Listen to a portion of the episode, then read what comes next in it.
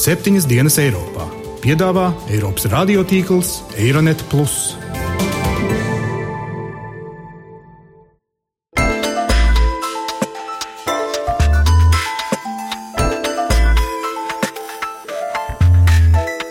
Šonadēļ septiņas dienas Eiropā dzirdēsim. Bēgļu jautājums ir, ir stipri pārspīlēts. Latvija ar laiku kļūs daudz krāsaina kā visa Eiropa. Šie cilvēki ir tagad daļa no šīs Eiropas.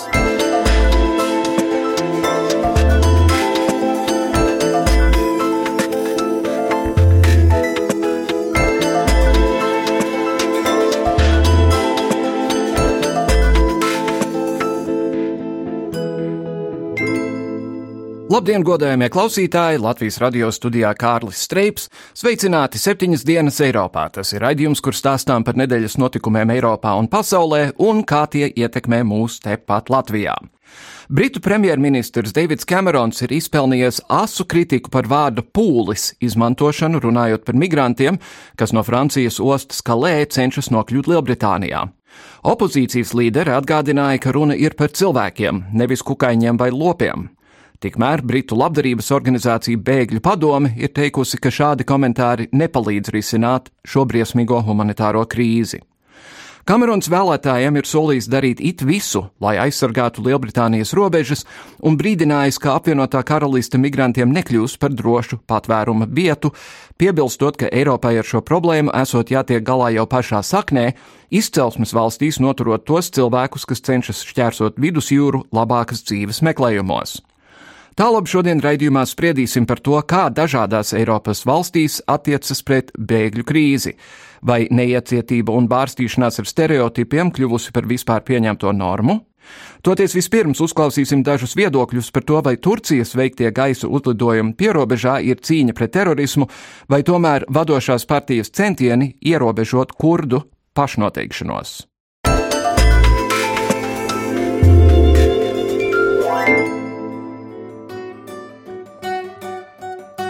Turcija ir izvērsusi koordinētus gaisa uzlidojumus gan pret separātiskās Kurdistānas strādnieku partijas pozīcijām Irākā, gan arī pret Islāma valsts kaujiniekiem Sīrijā. Lai gan Turcijas premjerministrs to ir nosaucis par sinhronizētu cīņu pret terorismu, uzlidojumi kurdiem līdz šim bijuši daudzkārt smagāki nekā cīņa pret Islāma valsti. Turcijas kurdu atbilstošās opozīcijas līderis līdz ar to ir paudis aizdomas, ka patiesais abu uzlidojumu iemesls ir kurdu pašnotiekšanās atbīdīšana otrajā plānā. Kā intervijā raidsabiedrībai Reuters skaidro partijas pārstāvis Selaitīns Demirtas, viņa prāt karš pret islāma valsti līdz ar to ir tikai aizsaks. IŞİD'e yönelik askeri operasyonlarda da Turcija veic dažus triecienus pret islāma valsti tikai šova dēļ bez īpaša zaudējuma nodarīšanas viņiem. Tas nav tikai aizdoms, diemžēl tā ir taisnība. Demirtas skaidro, ka Turcijas prezidents Reģeps Taips Erdogans ir sācis karu, lai diskreditētu kurdu kustību pirms iespējamām atkārtotām vēlēšanām. Pēc pagājušā mēnesī notikušajām vēlēšanām Erdogana pārstāvētā valdošā Taisnīguma un attīstības partija šobrīd meklē koalīcijas partnerus, taču, ja tas neizdosies, Erdogans varētu sasaukt ārkārtas vēlēšanas. Kā skaidro Selaitīns Demirtas, līdz ar to vadošā partija tagad atriebjas par vairākuma zaudēšanu. Bir an önce karşılıklı çatışmasızlık hali sağlanmalı. Cik vien ātri iespējams ir jāpanāk apusēji sadursmi pārtraukšana un no jauna ir jāatsāk sarunas par miera atjaunošanu. Atbildība par to vairs nav tikai uz taisnīgumu un attīstības partiju, jo tā vairs nav vadošā partija. Visam parlamentam vajadzētu uzņemties atbildību. Düşünüyorum. Rietumu sabiedrotie, ieskaitot NATO un ASV, ir pauduši atbalstu Turcijas sāktajām kampaņām, taču citi ir brīdinājuši nesagraut gadiem tik grūti kopto mieru ar kurdiem. Iebildumus pret kampaņu ir paudis arī pārstāvis Turcijas Demokrātiskās partijas pārstāvis Eiropā Doru Ejups. La Turquie officiellement dit qu'il mène cette guerre contre le Daesh et le PKK. Turcijas amatpersonas skaidro, ka tās ir izvērsušas karu pret islamistiem un Kurdistānas strādnieku partiju. bet realitātē tas, ko redzam, ir kara sekas. Uzlidojumi un viss tas ir īsts karš pret kurdu tautu. No vienas puses ir daudzskaitlīgie aresti, īpaši kurdu aktivistu vidū, un no otras reģionu tagad bombardē. Ankaru neapmierina arī kurdu panākumi Sīrijā. Pateicoties amerikāņu gaisa uzlidojumiem, kurdi uz šo brīdi kontrolē aptuveni pusi no Sīrijas 900 km garās robežas ar Turciju. Erdogans un viņa partija bažījas, ka šie panākumi iedvesmos Turcijas pašmāju kurdu minoritāti un Kurdistānas strādnieku partiju, ko gan Turcija, gan Eiropa ir atzinušas par teroristu organizāciju.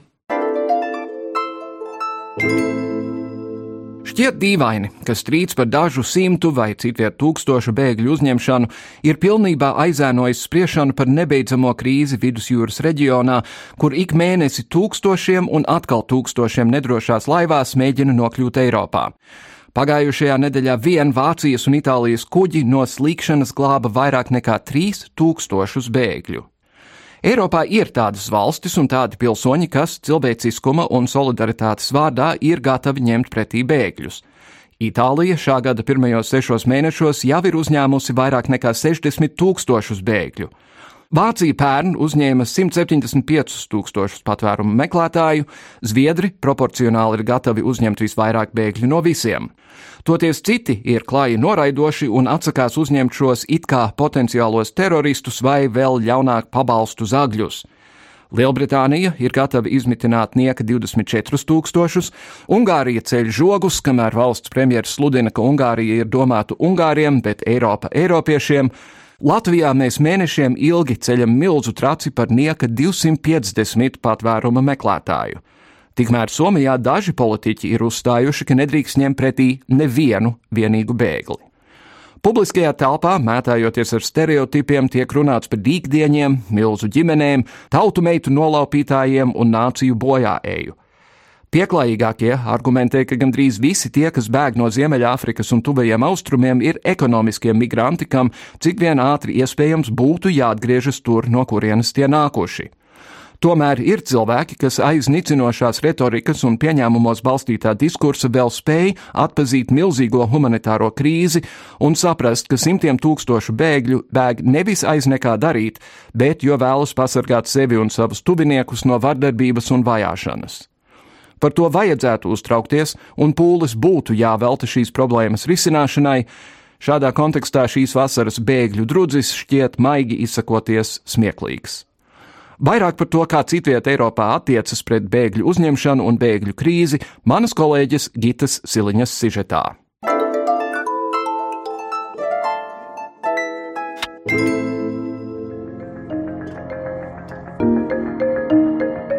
Ir milzums dažādu viedokļu, dažādos līmeņos un diskusiju platformās izskanējis, kopš Eiropas komisija ierosināja Savienības dalību valstīm obligātu kvotu sistēmu nelegālo migrantu uzņemšanai, kuri ierodas Eiropā pāri vidusjūrai. Eiropas komisijas prezidents Žāns Klauds Junkers ierosināja obligātu migrantu kvotu sistēmu, saskaņā ar kuru Savienības 28 dalību valstīm būs jāsadala atbildība par nelegālajiem migrantiem ārkārtas situācijās. Jautājums aktualizējās pēc tam, kad aprīlī simtiem cilvēku aizgāja bojā kuģa katastrofā vidusjūrā, nelegālajiem migrantiem ar nedrošiem kuģiem dodoties no Āfrikas uz Eiropu. Pēdējos mēnešos visa savienība ir bijusi iesaistīta dilemmā - uzņemt vai neuzņemt bēgļus. Nu ir skaidrs, ka bēgļi ir jāuzņem, un atkal ir jaunas raizes, kā to darīt. Bet vēl iepriekš Junkers, lai aktivizētu procesus, vērsās pie Savienības līderu sirdsapziņām. Nous nous sommes mis d'accord, grâce à la maîtrise de Donald, sur le fait que l'Union européenne Aptuveni 25 tūkstoši cilvēki pēdējo 15 gadu laikā vidusjūrā ir zaudējuši dzīvību. Eiropadomē jātiek galā ar bēgļu krīzi. Nepietiek tikai ar to, ka naktī raudam pie TV ekrāniem, kad cilvēki noslīkst jūrā. Un nākamajā rītā padome rīko piemiņas klusuma minūtes. Komisijas uzdevums ir izveidot plānu. Patvēruma meklētāji, bēgļi, migranti, ekonomiskie migranti, baltie cilvēki, melnie cilvēki, viņi, tie citi. Visdažādākajos veidos tiek dēvēti ļaudis, kuri pārvietojas starp dažādām valstīm, robežām, uzskatiem, tradīcijām, ambīcijām, aizspriedumiem un stereotipiem. Pastāv uzskats, ka jēdzieni migrants un bēglis ir jānošķir un jāskata atsevišķi. Vienlaikus tiek norādīts arī, ka jēdzienus nošķirt nevajag, jo bēgt no bada nāves ir līdzvērtīgi piemēram bēgšanai no nāves draudiem kara apstākļos. Šis ir tikai viens no retajiem un iespējams mazāk strīdīgajiem diskusiju tematiem. Pavisam nesen mūsu raidījumā Rīgas Stradiņa universitātes profesors Denis Hanovs skaidroja, ka kontinents pat laban saskaras ar strauju mainīgu situāciju, kas apsteidz struktūras, spēju pielāgoties un rast ātru problēmu risinājumus.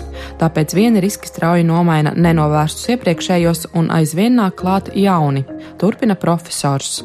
Šie cilvēki, kas pieder pie kultūrām un kopienam ārpus Eiropas kristietības kultūras, ir tagad daļa no šīs Eiropas. Respektīvi, tas galvenais, kas mums ir jāmaina visiem, visiem eiropiešiem, jāmaina savu uztveri, tas, ka šie cilvēki ir tagad arī eiropieši. Viņi ģērbjas savādāk, viņi svin citus svētkus, viņi ir, neskatoties uz visu šo atšķirību klāstu, ir daļa no mums, un es ļoti ceru, Eiropai pietiks šīs prasmes un pieredzes tomēr veidot šo saskarsmu un dzīvi kopā, balstoties uz satīcības un iekļaušanas, jo mums, Eiropiešiem, tādā gadījumā ir ļoti jāsaglabā savas atmiņas par 20. gadsimtu, kad šis citādais un atšķirīgais un šķiet divainais kļuva par uh, pēkšņi bīstamo, un tāda sākas uh, masveida cilvēku iznīcināšanā, terors, kas sagrāvā dzīves, cerības, sapņus, pilsētas, bibliotekas, bibliotekas un tā tālāk. Mēs esam pārdzīvojuši divus kārus.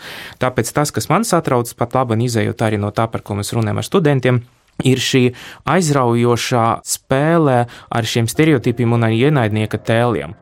Bet tikmēr pašiem cilvēkiem, kuri bēg meklē patvērumu, ir gluži vienalga, kā viņus dēvē un kas un kur viņus uzņems, ja vien tas nodrošina drošību. Piemēram, Raicacijā Euronet Plus tiek prognozēts, ka šogad aptuveni 500 tūkstoši migrantu mēģinās aizbēgt no Āfrikas un tuvajiem austrumiem uz Eiropu. Tā ir cilvēku radīta humānā krīze, un Eiropas Savienība diemžēl nespēja rīkoties saskaņoti, ātri un strateģiski. Jau gada sākumā, nepilnos divos mēnešos, Itālijas krastos bija nokļuvuši 5,5 tūkstoši migrantu. Kā īstermiņa risinājums tika pagarināta operācija Tritons, ko pārauga Eiropas Savienības robežu robežkontroles aģentūra Frontex.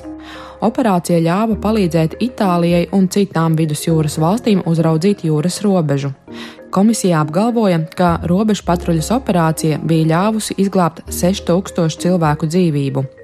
Tikmēr pēdējo mēnešu laikā aizvien vairāk un vairāk izskanēja aicinājumi visām Eiropas valstīm būt solidārām un uzņemties bēgļu izmitināšanu savā teritorijā, jo nec Itālija, nec kāda cita valsts ar to viena pati vairs netiek galā.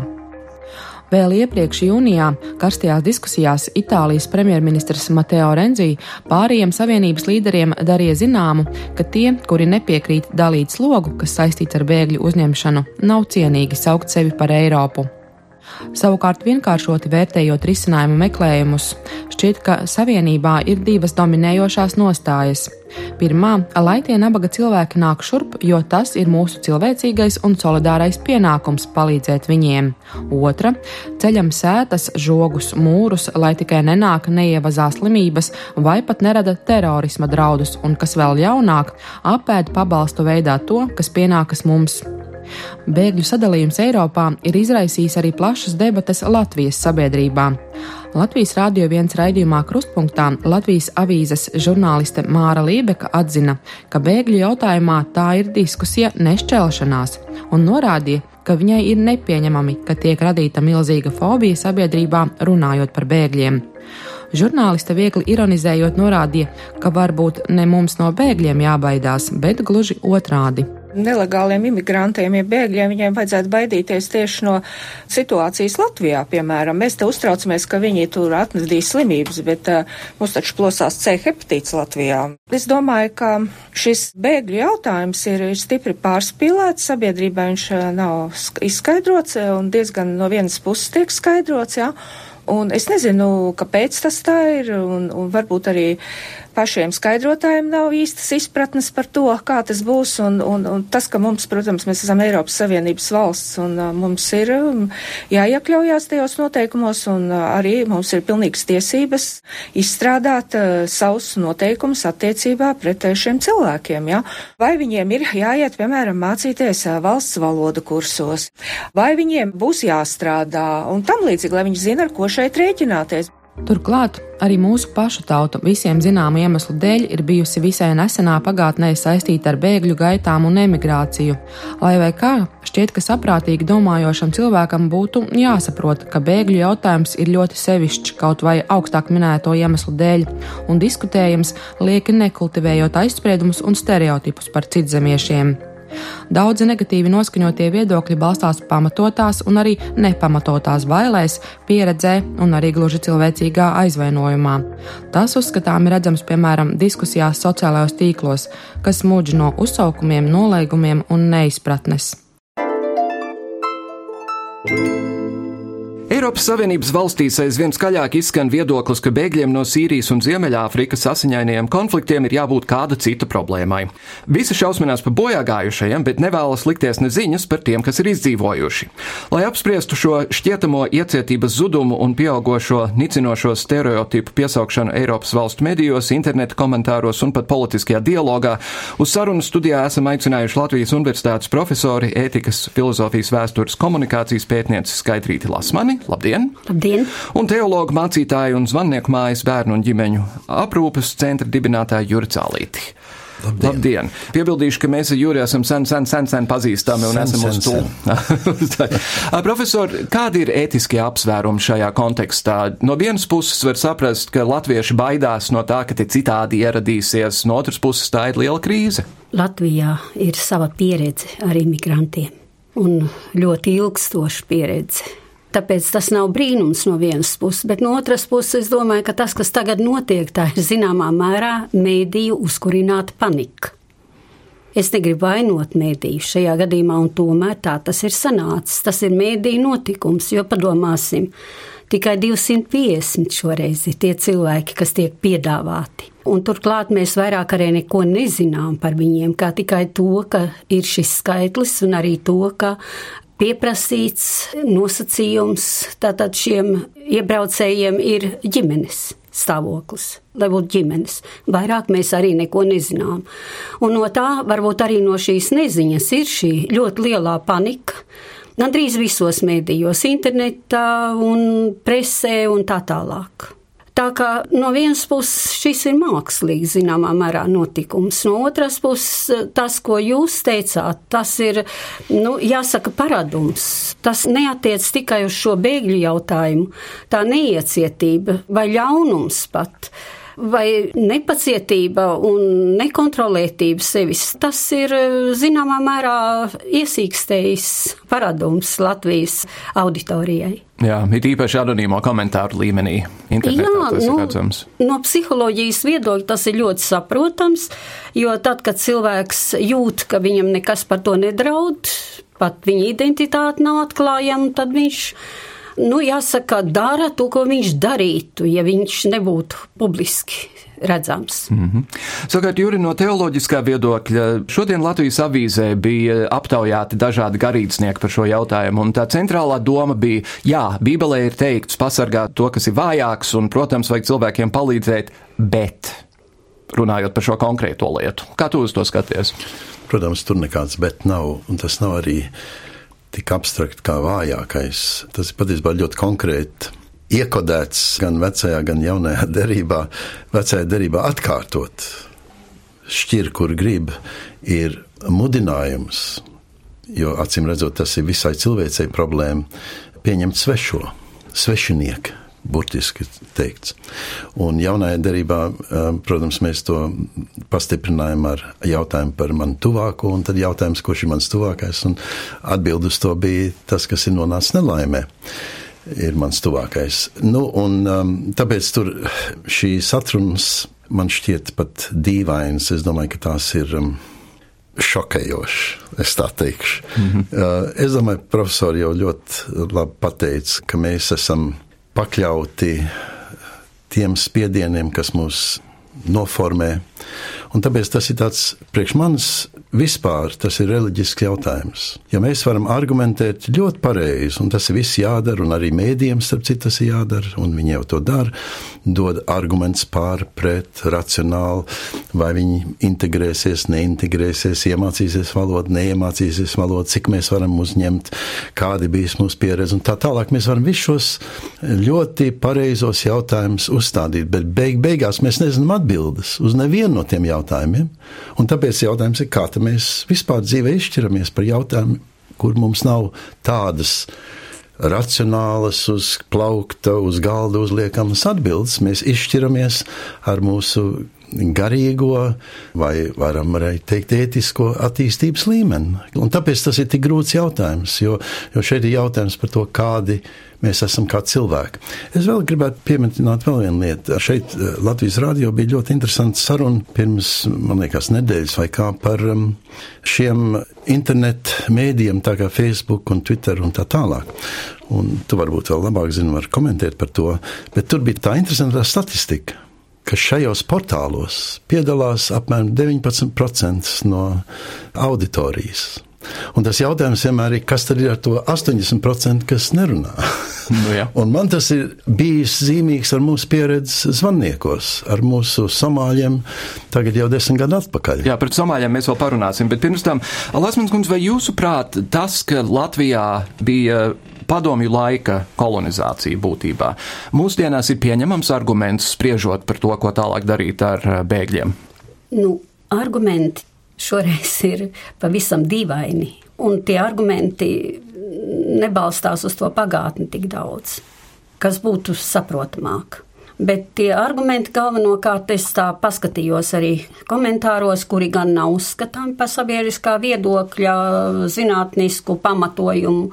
Un tomēr kaut kas jau šajos internetu komentāros atklājas, kaut kāda patiesība minimāli par sabiedrību, arī tajos -hmm procentos jā, jā. 19. Un tur tie galvenie argumenti ir vispirms nezinot, kas šie bēgļi ir. Vispirms, ka tie ir vieglas dzīves tīkotāji, es citēju blandoņus un tā tālāk. Bet mēs ļoti labi zinām, ka ir vismaz trīs imigrantu grupas. Tie ir ekonomiskie tie migranti, kas no Latvijas pārsvarā aizplūst šobrīd. Uh, tie ir nelegālie imigranti, es domāju, par tiem šoreiz nav runa tik daudz. Un treškārt, tie ir šie bēgļi Un tās ir trīs ļoti atšķirīgas grupas, pret kuriem ir vajadzīga ļoti atšķirīga attieksme. Tātad šis varētu būt tas arguments, ja mēs zinātu, kas ir šie 250 cilvēki. Otrkārt, arguments otrais ir mums savējo migrantu pietiek, imigrantu. Nu, tas ir no pagātnes varbūt tas arguments. Un trešais ir, protams, tas arguments galvenokārt nav attiecībā uz bēgļiem, bet uz valdību, uz valdības lēmumiem. Un tur jau, protams, ir citas intereses, kas arī varbūt sabiedrībai nav tik daudz zināmas. Tā ka es nedomāju, ka šī atbild uz jūsu jautājumu ir tik vienkārši. Es piekrītu, ka tas nav vienkārši, bet es te arī saredzu zināmu devu liekulības sabiedrībā, jo tad, kad eh, basketbola čempionātā piedalās tumšādaini spēlētāji lielākoties no Amerikas, tad nu gan nevienam nav nekādu problēmu. Urā, mana komanda uzvarēja un paldies viņiem, ka viņi nāca palīgā. Bet lūdzu, nenāc pie manas meitas ciemos. Apmēram tā tas sanāk. Nu, re, tas attiecībā uz šiem iebraucējiem, tagad Latvijā paredzētajiem, sauksim tos tā nenoteiktā vārdā. Es domāju, ka tas ir galvenokārt eh, jautājums nevis par argumentiem pret viņiem, pret tiem svešajiem, kā tiek uzskatīts, un piesardzība vienmēr tur ir zināmā mērā nu, saprotama un arī pamatota. Bet jautājums ir par mums pašiem, un tas galvenais jautājums ir acīm redzot par mūsu pašu pašapziņu. Jo tā iecietība vai neiecietība ir atkarīga tomēr no pašcieņas un pašapziņas. Par somāliešiem klausītāji varbūt šo stāstu neatcerās, bet pirms desmit gadiem un vairāk Latvijā ieradās astoņi, laikam, somālieši. Septiņi. Septiņi somālieši, kuri klīda šurpu, turpu, šurpu, turpu, šurpu, turpu un ar laiku nonāca zvaniekos. Kas ar viņiem ir noticis kopš tam? Tikai maza korekcija. Viņi patiesībā dzīvoja deviņus mēnešus Olainē, cietumā. Un, uh, kad stunda sit, pulksten 12, uh, direktors atvēra vārds, izmet viņus uz celiņa, piolains. Un teica čau. Un neteica neko, vienkārši aizvēra vārds. Mm -hmm. Un tie skatījās viens otram acīs un teica, nu, kur mēs esam, ko mēs darām un tā. Un tur gadījās kāda akadēmiķa, kas rakstīja par šo problēmu un sāk eh, meklēt viņam varbūt kaut kādu palīdzību. Un caur viņas tad, un caur manu meitu tad tā lieta nonāca pie mums, un es jau pats arī meklēju vēl citas vietas. Nu, Visi atteica tajā brīdī, tad es domāju, nu, ko tad citādi mums ir mājas, viņam jānāk mūsu mājās, un tā viņi nonāca pie mums. Un galvenais tā bija tāda ļoti jaukta kompānija. Trīs bija no vienas ģimenes, un pārējie bija sveši savā starpā.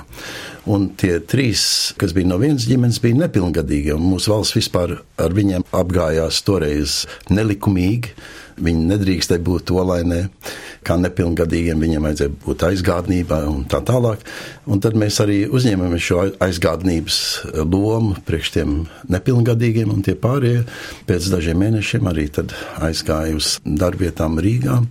Viens ir miris, un tie Visi ir ļoti labi integrējušies, visi prot latviešu valodu, viena ir apprecējusies ar latviešu zēnu, un ir mazs latviešu zēns eh, dzimis šai ģimenei. Un šis stāsts ir ļoti, manā skatījumā, ļoti skaisti beidzies un skaisti veidojies. Bet eh, Lasmīkums ļoti pareizi teica, mums taču te ir iebraucēji no Ķīnas, pa labu un pa kreisi patiesībā. Cēsīs, piemēram. Cēsīs, kur es dzīvoju, un uh, visi pieņem tā ļoti mierīgi.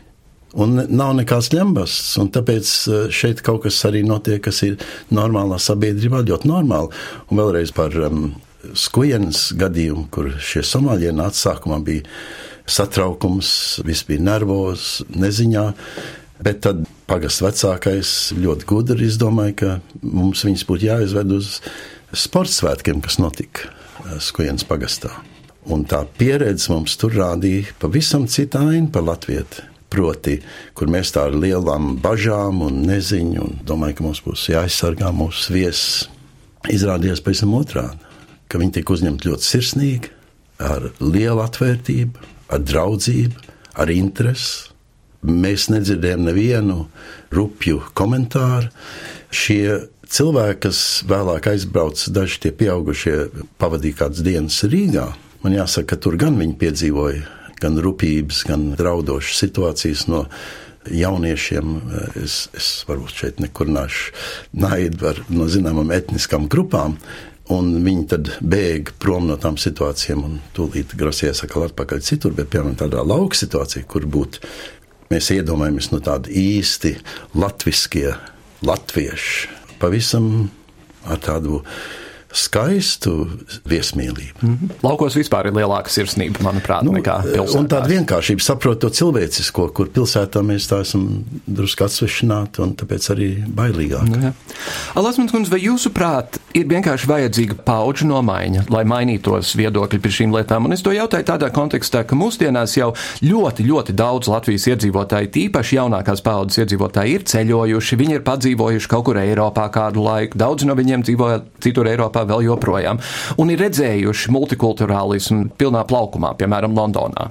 Un vai jūs prāt, tas ar laiku mainīsies? Nu, paudzes nomainīsies tā vai tā. Nu, jā, protams.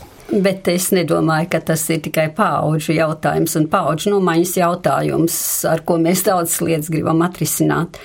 Jo te tiešām ir pašapziņas jautājums. Un, uh, mēs zinām, ka ir mhm. diezgan daudzas dārgas pētniecības programmas, kurās, starp citu, ir secināts, ka tas, no kā visvairāk baidās, mhm. neintegrēsies. Ka šī neintegrēšanās zināmā mērā ir, kā lai to saka, vai integrēšanās ir atkarīga ne tikai no valdības uz ko ļoti daudz cer un ko kritizē, bet no ikviena cilvēka, kas dzīvo valstī. Un es domāju, ka šis ir tas vissmagākais jautājums Latvijā. Tur nav ar paudžu nomaiņu tas saistīts. Bet tas, ko es pats varu darīt, par ko es pats atbildu, es arī atbildu par šo uh, cilvēku integrāciju un neprasu tikai no valdības. Un šeit mums ir ļoti liela pieredze un tiešām es gribētu teikt ne rasistiska, bet šī negatīvā no pagātnes nākusī pieredze, uh, ka arī, nu, varbūt tas ir saistīts ar šo totalitārās varas draudu valodu toreiz pagātnē, par ko jūs jautājāt, bet ka cilvēki joprojām tagad baidās, piemēram, runāt savā latviešu valodā ar šo iebraucēju, labvēlīgi runāt, smaidot runāt. Nevis viņam lasīt morāli, ka viņš nezina to valodu, bet runājot, praktiski iemācīt viņam to valodu un radīt vajadzību pēc savas valodas. Un šis ir tas, manuprāt, galvenais jautājums, bet es uzreiz gribu teikt, ka man šeit ir zināmā mērā bāžas tieši par jauno paudzi, jo es zinu šo faktu, un tas ir diezgan kliedzošs fakts par Rīgas centrā humanitāro vidusskolu, kur tikko no 29 skolas beidzējiem 27 ir gatavi prom braukt uz jebkuru citu valsti. Un tikai, godīgi sakot, divi cilvēki ir gatavi palikt Latvijā. Tad par kādu pašapziņu mēs šeit varam runāt un par kādu vēlmi integrēt citus savā valstī, ja es no tās valsts gribu tikt projām. Un vēl jau vairāk, ja mēs gaidām, ka mani tur, kur es braukšu, uzņems, uzņems un draudzīgi. Un man būtu jautājums tiem daudziem ļoti kritiskajiem un, un dusmīgajiem. Būtu interesanti pajautāt, cik no viņu radu saimes ir tiešām aizbraukuši un atraduši pieņemšanu citur, un vēl pat, ko Lasmaņa kundze teica par to jautājumu par pašapziņu. Šeit ir cilvēki, kas tādā veidā ir sevi iestādījuši, ka nevis viņi uzņemsies rūpes par savu dzimto zemi, bet kārtos savu nākotni ērtāk un vieglāk kaut kur citur, nu tad patiešām šeit ir tāda ļoti liela dziedināšanas programma nepieciešama mūsu tautai, un tāpēc tu man šokēji eh, ar to ziņu pašā sākumā, ka no tiem cilvēkiem, no kuriem mēs sagaidītu tādu morālu, garīgu, pašapziņas noformējošu vadību garīdzniecībai, draugiem, baznīcām, ka mēs dzirdam tik ļoti duļķainu attieksmi. Man vispār pārsteidz eh, ziņa savukārt, ka somālieši visi atrada darbu, jo mēs abi pazīstam, un varbūt jūs arī pazīstat Džordžu Stīlu, amerikāni, kurš aprecēja latviešu meiteni, tad, kad viņi tur studēja. Viņš tagad jau gandrīz 20 gadus dzīvo Latvijā, viņam ir divi bērni. Viņš man ir stāstījis, ka tad, kad viņš perfekti runā latviešu valodā un dziedu korī gaudījāmos, un pa telefonu viss tiek sarunāts attiecībā uz darba vietu, bet tad, kad viņš ierodās ar savu tumšādaino seju, tiek pateikts, nē, patiesībā tā darba nav, un mēs jau kādu citu pieņēmām, un tā tālāk un tā joprojām. Es domāju, ka es noteikti ticu Džordža stāstījumam un viņa pieredzēji. Es varu pateikt, kā mēs to darījām. Mēs, protams, strādājam kā starpnieki. Man bija pazīstams, piemēram, viesnīcas īpašnieks, kuram mēs skaidri un gaiši pateicām, mums ir tāda un tāda situācija. Un viņš ļoti atsaucīgs ne tikai pieņemt darbā, bet pat palīdzēt dažādos veidos, ar programmām un tā tālāk. Un tā kā es domāju, ka mm, tieši tāpēc man ir tāds sajūta, ka es esmu arī to visu laiku izteicis, ka mēs uzņemam šos citādos mūsu sabiedrībā Tā nevar būt tikai kaut kāda formāla valsts programma, kur ir ierēdniecības strādā eh, parastajā veidā ar savām uh, sistēmām.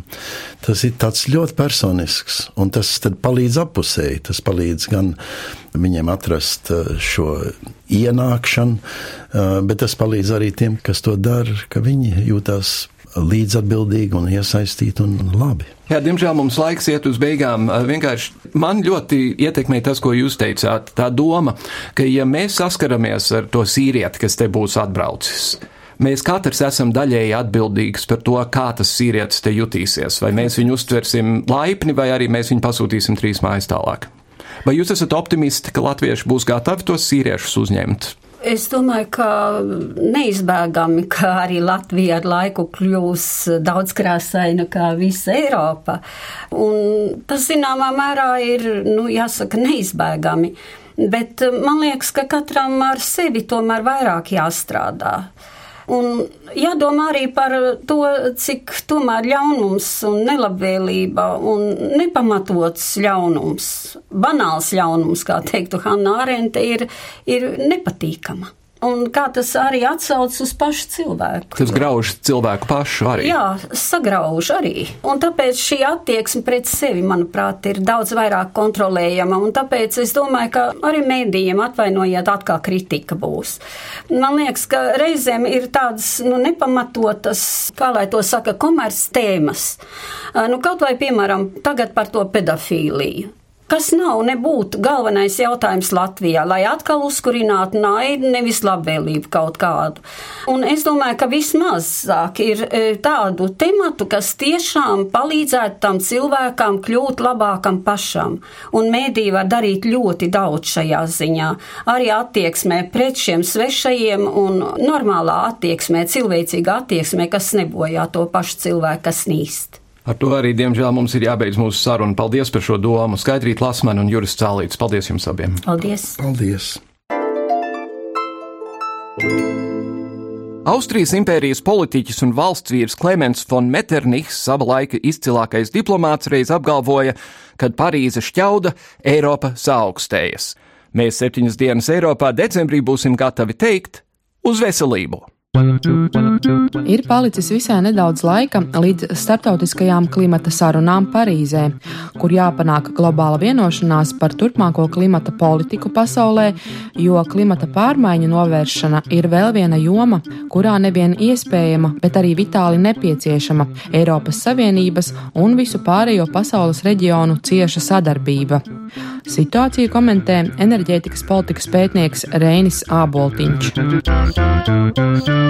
Šī sanāksme ir tā kārtējies orientieris, uz ko klimata pārmaiņu ietver konvencijas dalību valstis orientējas ar mērķi beidzot panākt patiešām globālu līmeņa vienošanos.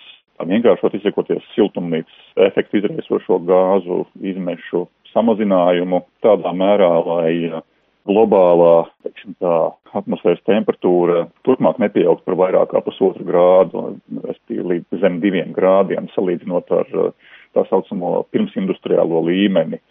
Un faktiski, ko tas nozīmē? Tas nozīmē to, ka ir um, jāsaimnieko un jādzīvo tādā veidā, lai um, samazinātu principā kaitīgo gāzu izmešus, jādzīvo energoefektīvāk, lai enerģiju un energoresursu izmantotu ne tikai vien eh, taupīgāk un mazāk, bet arī optimālāk.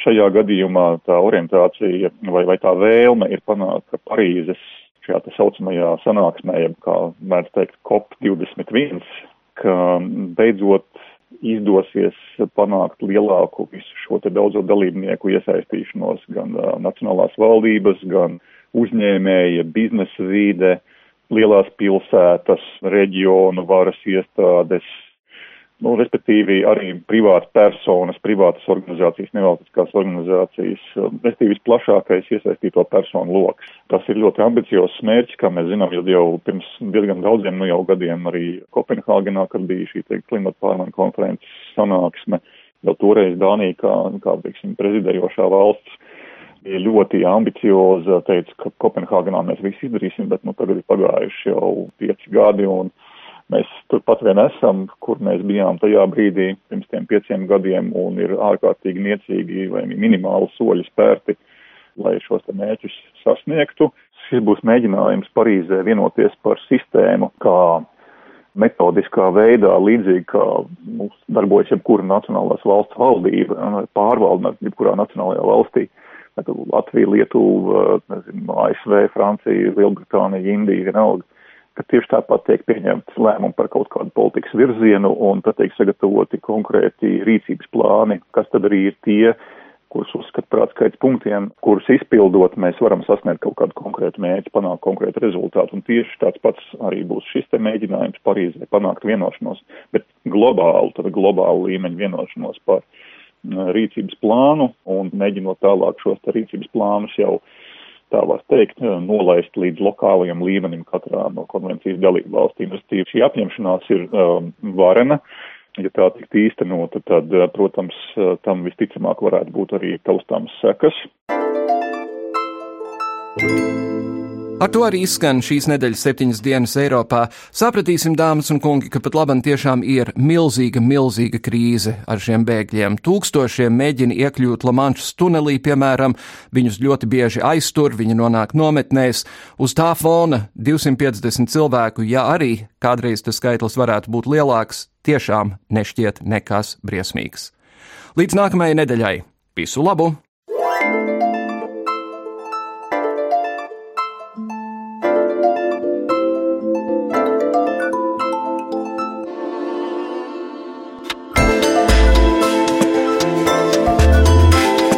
Raidījumu veido Kārlis Streips, Gita Siliņa un Jānis Krops.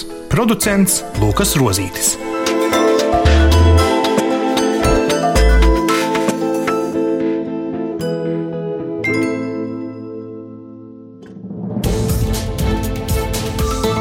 Visus Eironet plus sižetus un raidījumus meklējiet Latvijas radio mājaslapā.